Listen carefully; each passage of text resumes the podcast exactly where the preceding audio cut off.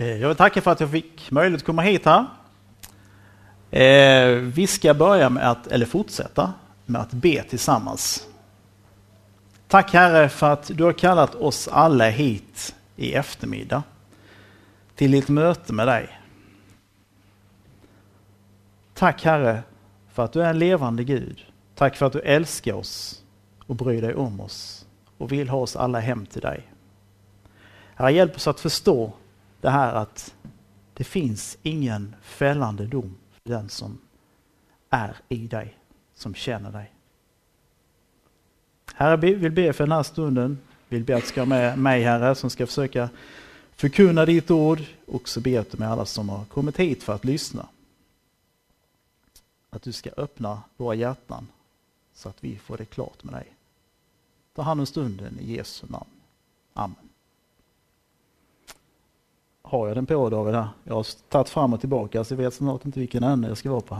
Men det, det, ljudet kommer fram. Jättebra. Eh, den här söndagen är som vi tidigare hörde Jungfru Maria bebådelsedag. Temat är Guds mäktiga verk. Och eh, vi ska stanna inför episteltexten som är hämtad från eh, Romarbrevets åttonde kapitel, vers 1-4. Jag minns från min egen barndom eller ungdom att eh, man tyckte det var väldigt besvärliga ord. Eh, klassiska klassisk kristen text som man har hört jättemånga gånger, men kanske lite svårt att förstå. Och min bön och min önskan är att vi alla ska kunna få någonting ut av den här texten i eftermiddag. Eh, vi ska läsa de fyra första verserna i Romarbrevets åtta. Så finns nu ingen fällande dom för dem som är i Kristus Jesus.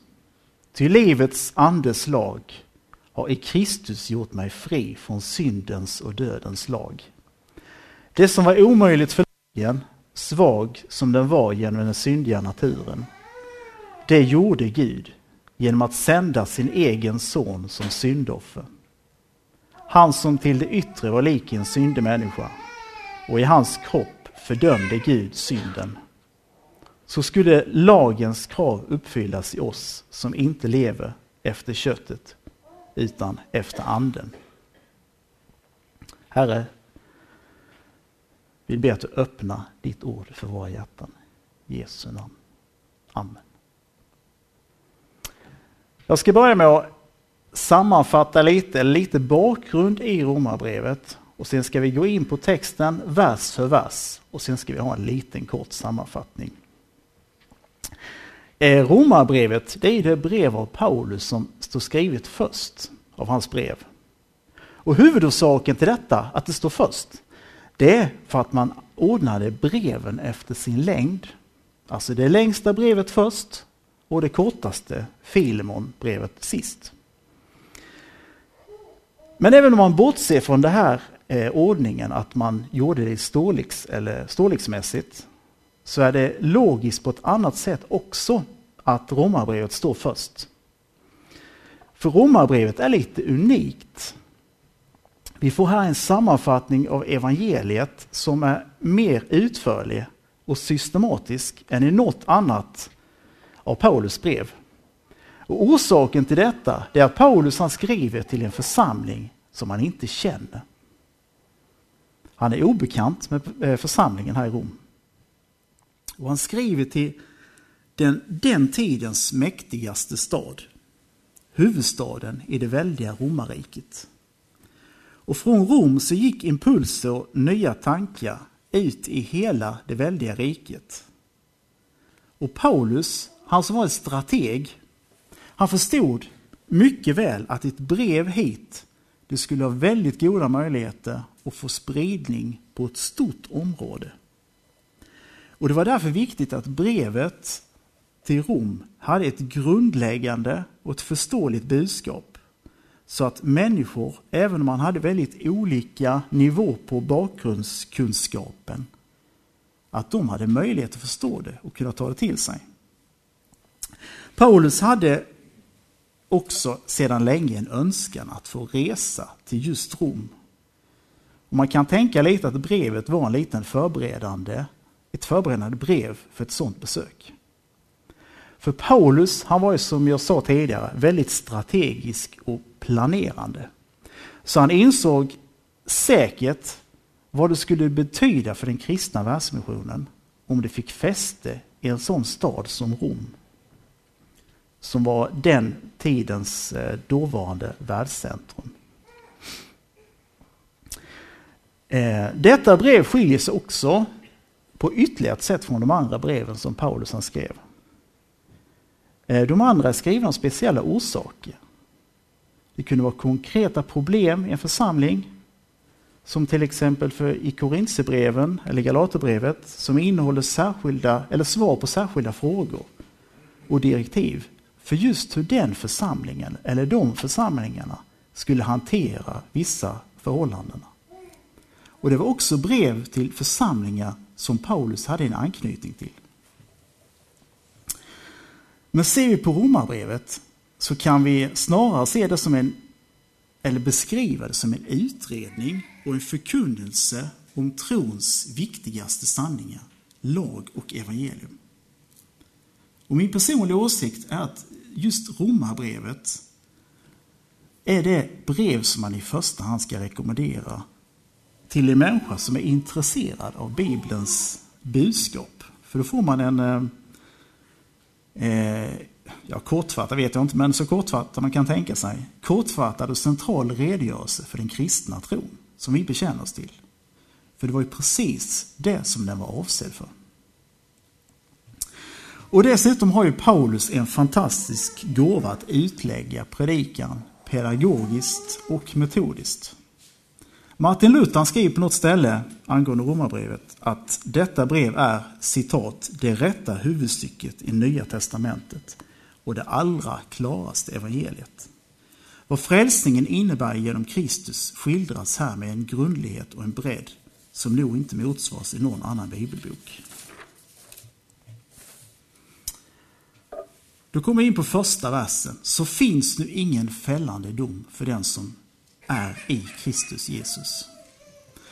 Efter att tidigare brevet har redogjort för de krav som lagen ställer på oss och hur Kristus uppfyllt den lagen så konstaterar Paulus, alltså vila inte längre någon dom över den som är i Kristus Jesus.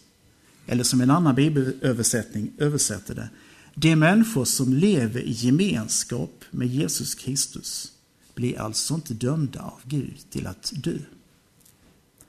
Den fällande dom som vilar över oss, den är upphävd och den kommer aldrig drabba oss. Och de här förlösande orden, det beror helt och hållet på vad Jesus har gjort. Det som han har utfört. Det som han har gjort, det får jag tro på och jag får lita på det och jag får också tillgodoräkna med det. Du och jag får tro och ta emot detta. Att tro, det betyder att komma till Kristus, att lita på honom, att förenas med honom, att inympas i Kristus. Eh, jag kan egentligen ingenting om att ympa träd och det kan vara vanskligt att gissa in på den här kategorin ett sånt här, på ett sånt här ställe. Men eh, ni får eh, förstå mig lite okunskap här. Men eh, om jag förstått det hela rätt så kan man ta en gren från exempelvis ett gott äppelträd och på något sätt sammanfoga det med ett annat äppelträd som kanske inte är lika gott eller av en helt annan sort. Då blir den här grenen som man ympar in, eller kvisten kanske man ska kalla det, det blir en del av det trädet som det inympats i och ska bära frukt. Den nya grenen får, får näringen för sin tillväxt från moderträdet. Grenen är alltså i detta trädet. När man är förenad med Kristus så är man i Jesus Kristus. Och då har syndens och dödens lag upphört att gälla. Vad är det för en lag vi pratar om? Jo, det är Guds lag, Guds heliga lag. För Gud, han är en lagens Gud. En Gud som kräver hela människan. Hela hennes kärlek, alla hennes krafter. Hur kan han göra det? Jo, därför att han är den suveräne skaparen som råder över sina verk. Och som människa så står vi alltid i ett förhållande till honom. Antingen vi önskar det eller inte önskar det. Vi kan stå under hans vrede, men vi kan också stå under hans nåd. Och det som avgör detta är rättfärdigheten. Ett svårt ord kanske. Men det betyder den renhet vi behöver för att få komma till honom som är helig och ren. Rättfärdigheten är alltså den renhet du och jag behöver för att kom, få komma till honom som är helig och ren. Den som är rättfärdig står under hans nåd. Men den som är orättfärdig står under hans vrede. Hur är då en rättfärdig människa? Jo, det var som vi sa innan. En rättfärdig människa, det är en människa som står i överensstämmelse med den gudomliga normen. Alltså en människa utan synd. Och hela den här frälsningsfrågan, den samlar sig därför kring detta enda, men så viktiga för oss allihopa. Hur ska jag personligen kunna bli rättfärdig, alltså få den renhet, rättfärdig inför Gud? Det är den centrala frälsningsfrågan. Vägen till att bli rättfärdig, det är lagens väg. Karl Olof Rosenius han skrev i en av sina böcker att citat, det här är krångligt, här gäller det att hänga med. Ingenting är naturligare för den naturliga människan än att tänka att eftersom Gud i sin lag talat om för oss hur vi ska vara för att vara rättfärdiga, då måste vägen till att bli rättfärdig vara att försöka hålla Guds lag. Hängde ni med? Men hur gör vi det? Hur fixar du och jag att hålla Guds lag? Hur klarar vi av det? Svaret vet ni allihopa förmodligen, eller de flesta i alla fall. Det kan ingen människa i världen göra. Ingen enda människa genom alla tider, förutom Jesus Kristus själv, som var både Gud och människa. Han var utan synd. Vi kan alltså bara misslyckas. Känns det som ett deprimerande svar? Ja, det kan man tycka till en början, vid den första anblicken. Men vi kan alltså bara misslyckas. Och det kan vi göra på två olika sätt. Vi kan misslyckas katastrofalt. Men vi kan också misslyckas lyckligt. Vilket av dessa misslyckande vi, vi så att säga råkar ut för, det är det som avgör vår evighet. Om en människa missförstår Guds lag så att hon tror när hon har lagt bort vissa yttre synder, börjat bete sig, bete sig på ett fromt sätt, läsa Bibeln, be, gå i kyrkan, missionshuset, skänka pengar till välgörande ändamål, ta bättre hand om sina medmänniskor och på så sätt genom sina goda handlingar tro att hon är rättfärdig. Då har hon misslyckats katastrofalt. Varför det kanske du undrar? Är det fel att bli en bättre människa? Är det fel att leva som en bättre människa? Att försöka leva ett liv som Jesus vill att vi ska leva? Nej, definitivt inte. Tvärtom, vi ska verkligen försöka leva som Jesus vill att vi ska leva. Men när det gäller att bli räddad för evigheten, då räcker vi inte till oss själva. Då klarar vi inte det själva. Om du och jag tror att vi av egen kraft kan leva upp till det som Guds lag kräver av dig och mig, då har du och jag, eller den människan, blivit som en farisé. En sån om vilka Jesus säger att publikaner och syndare snarare ska gå in i Guds rike än dem. Och Jesus han uttrycker sig många gånger väldigt hårt mot dem. Vi ska läsa från ett ställe i, eh, i Lukas 18 kapitel. Bara se här. Som handlar om farisén och publikanen.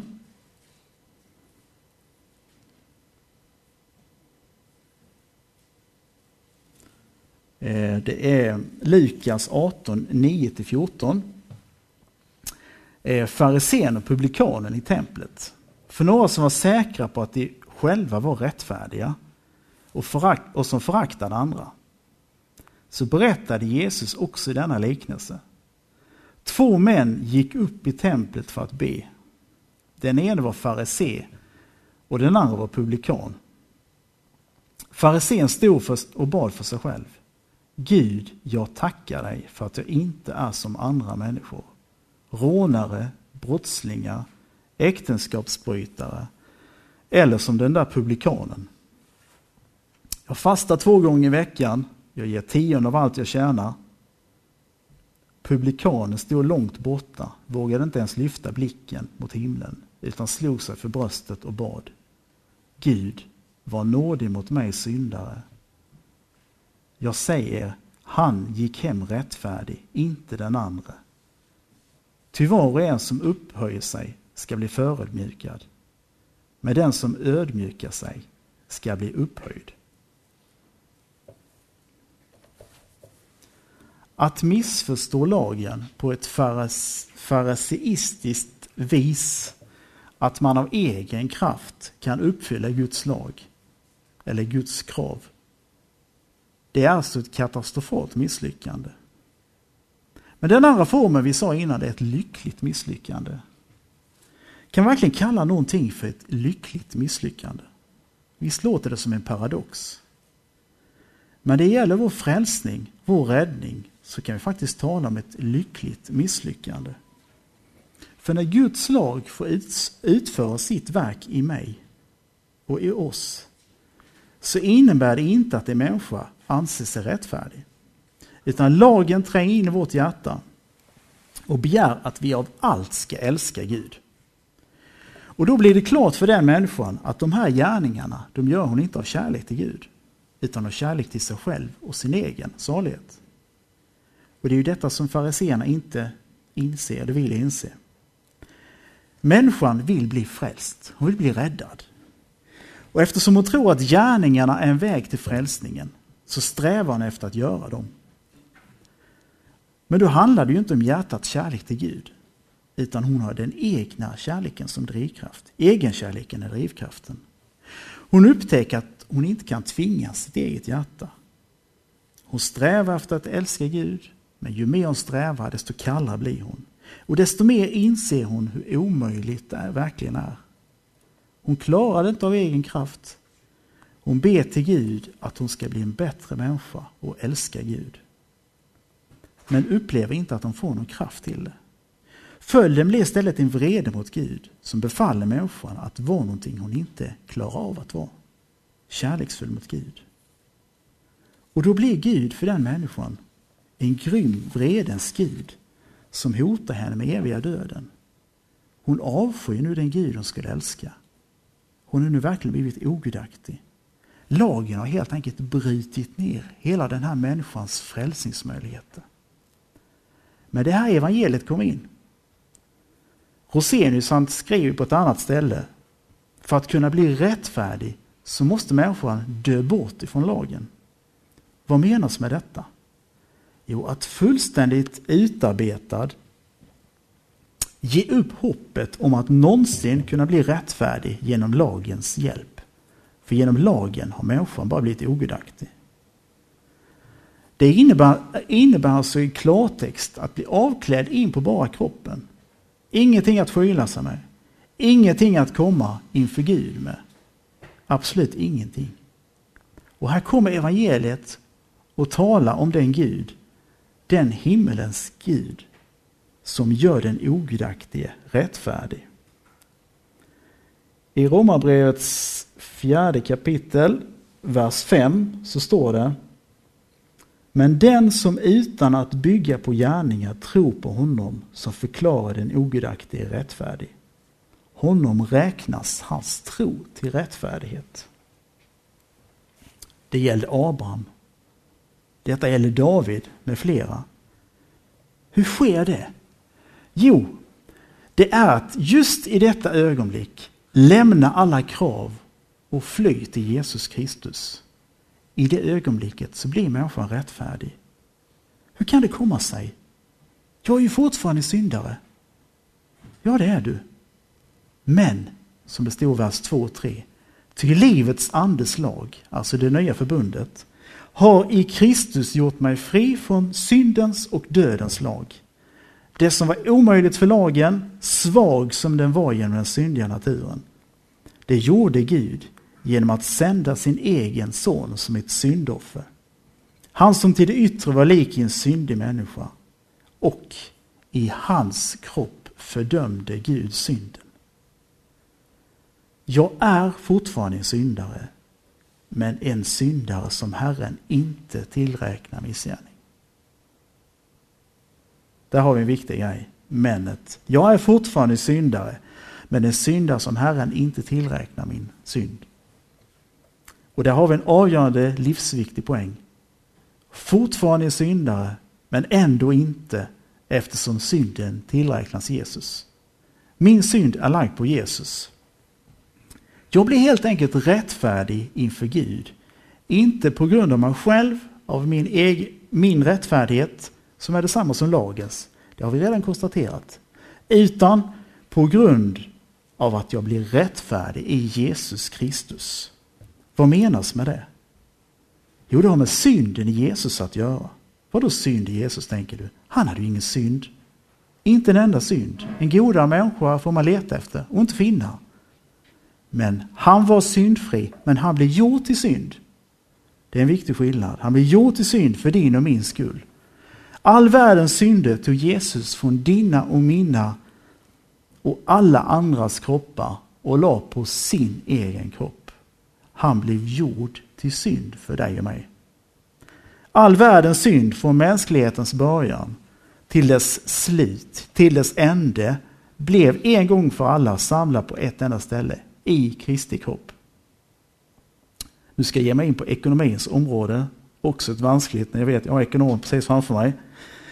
Eh, men om vi ska göra en liten bild av detta och tänker oss att i de himmelska räkenskapskontona så står varje människas synd inlagd i en kolumn. All denna synd har flyttats över på Kristi konto. Inte bara mina och dina synder, utan alla människors synder. Så när jag tittar längst ner på mitt saldo så står det noll.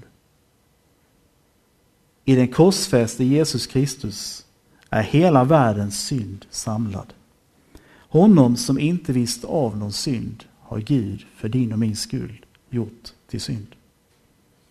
I Kristi lidande och död så utplånas inför Guds ögon denna synden. Lagens rättmätiga fordran på mänskligheten betalas. Jesus tog inte bort lagen, han uppfyllde lagen. När Jesus Kristus på korset ropar, det är fullbordat, då är det klart. Då är allting till sista öret betalat. Och därför kan vi tala om en rättfärdighet i Kristus. Som eh, kycklingarna flyr till hönan när en fara hotar och gömmer sig under hennes vingar. Så får vi, får vi fly till Jesus. Och när vi gör detta, i detta ögonblicket så träder det som Jesus gjort för denna syndare, då träder det in. Och för hela världen.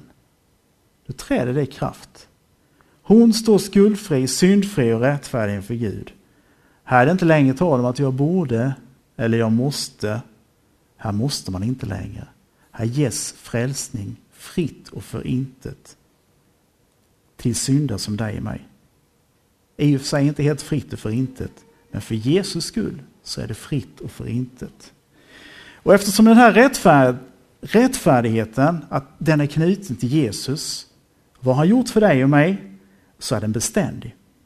Den växlar inte beroende på dina och mina bättre dagar eller sämre dagar. Den växlar heller inte i värde som dollarn eller euron. Rättfärdigheten den har en, ett konstant värde. Sista versen. Så skulle lagens krav uppfyllas i oss som inte lever efter köttet utan efter anden. Bara för att vi genom Jesus blivit friköpta från våra synder och får del av, fått del av hans rättfärdighet så innebär det inte ett jordiskt liv fullt av lycka utan problem. Nej. Paulus han är mycket noga att påpeka detta. Vårt jordiska liv är mer eller mindre fyllt med lidande och bekymmer. Vi får inte glömma bort djävulens enträgna arbete för att få oss att lämna Jesus.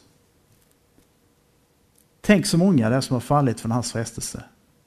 Jag kan minnas från min egen ungdom när man gick på läger, många kompisar som man hade där som man träffade som idag inte längre vill känna Jesus. Och de är många. Många har lämnat Jesus. Och många kommer fortsätta göra det. Du och jag, vi utsätts dagligen för djävulens angrepp. Många gånger kanske väldigt påtagligt. Och det är svårt att stå emot. Varje dag är en kamp mot ondskan. Men alla dessa tidens lidande väger lätt i jämförelse med den härlighet som kommer att uppenbaras och bli vår. Det säger, säger Paulus. Och vidare så fortsatte han i vers 28 i detta kapitlet, Romarbrevets 8. Vi vet att för de som älskar Gud samverkar allt till det bästa. Och vidare, är Gud för oss, vem kan då vara mot oss? Han som inte skonar sin egen son utan utlämnade honom för oss alla. Hur skulle han kunna annat än också skänka oss allt med honom? Han är metodisk att utlägga Guds ord, Paulus. Paulus som själv, en gång själv, varit fast i det här fariseistiska, lagiska tänkandet. Och, det, och I ett sånt liv levde han verkligen. Och på en resa där han förföljde kristna, där fick han möta Jesus. Och Jesus fick öppna hans ögon. Hans liv fick en helt ny dimension. Nu är det inte längre jag som lever, utan Kristus som lever i mig, skriver han på ett ställe. Evangeliet fick öppna Paulus ögon. Hans tidigare fasta visshet om det, visshet om det viktiga med ett renlärigt liv har förbytts i en annan visshet. En visshet som bygger på frälsaren Jesus Kristus. Ty jag viss att varken död eller liv, varken änglar eller första, varken något som nu är eller något som skall komma, varken makter, höjd eller djup, eller något annat skapat ska kunna skilja oss från Guds kärlek i Jesus Kristus, vår Herre. En liten kort sammanfattning. Detta Guds verk får vi vila i. Det som vi borde göra, det som vi skulle göra, det har Jesus redan gjort. I samma ögonblick vi flyr till Jesus får vi del av syndernas förlåtelse och blir rättfärdiga, inte på grund av oss själva utan på grund av Jesus. Vår tid här på jorden kanske många gånger kan kännas tung, mödosam. Vi ställer oss frågan, Gud, varför hjälper du mig inte? Hör du mig inte när jag ber? Det känns som det går emot mig hela tiden. Jag orkar snart inte längre.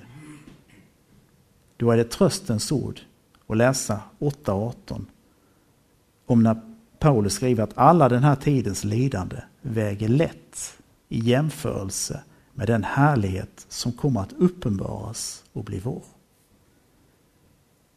Därför kan vi med en tillförsikt och förväntan se fram mot den dagen då Jesus kommer tillbaka för nu finns ingen fällande dom för den som är i Kristus Jesus. Amen. Tack Herre för att det verkligen är sant det som vi har läst idag. Tack för att du har tagit på dig alla våra synder. Inte för att vi var värdiga utan för att du älskar oss.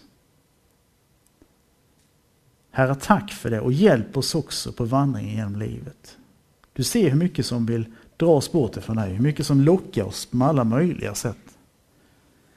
Hur mycket som vill ta våra vår tid i anspråk, hur mycket som vill ta våra pengar i anspråk och engagemang.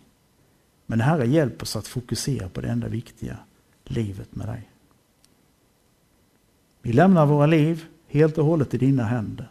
Ta du hand om oss. I Jesu namn. Amen. Så ber vi Herrens bön och välsignelsen tillsammans. Fader vår som är i himlen. Helgat varde ditt namn. Tillkommer ditt rike. Ske din vilja så som i himmelen, så och på jorden. Vårt dagliga bröd ge oss idag och förlåt oss våra skulder, såsom och vi förlåta dem oss skyldiga är. Och inled oss inte i frestelse, utan fräls oss från ondo. Ty riket är ditt och makten och härligheten i evighet. Amen. Herren välsigne oss och bevara oss. Herren låter sitt ansikte lysa över oss och vara oss nådig. Herren vände sitt ansikte till oss och ge oss frid. I Guds, Faderns, Sonens och den heliga Andes namn. Amen.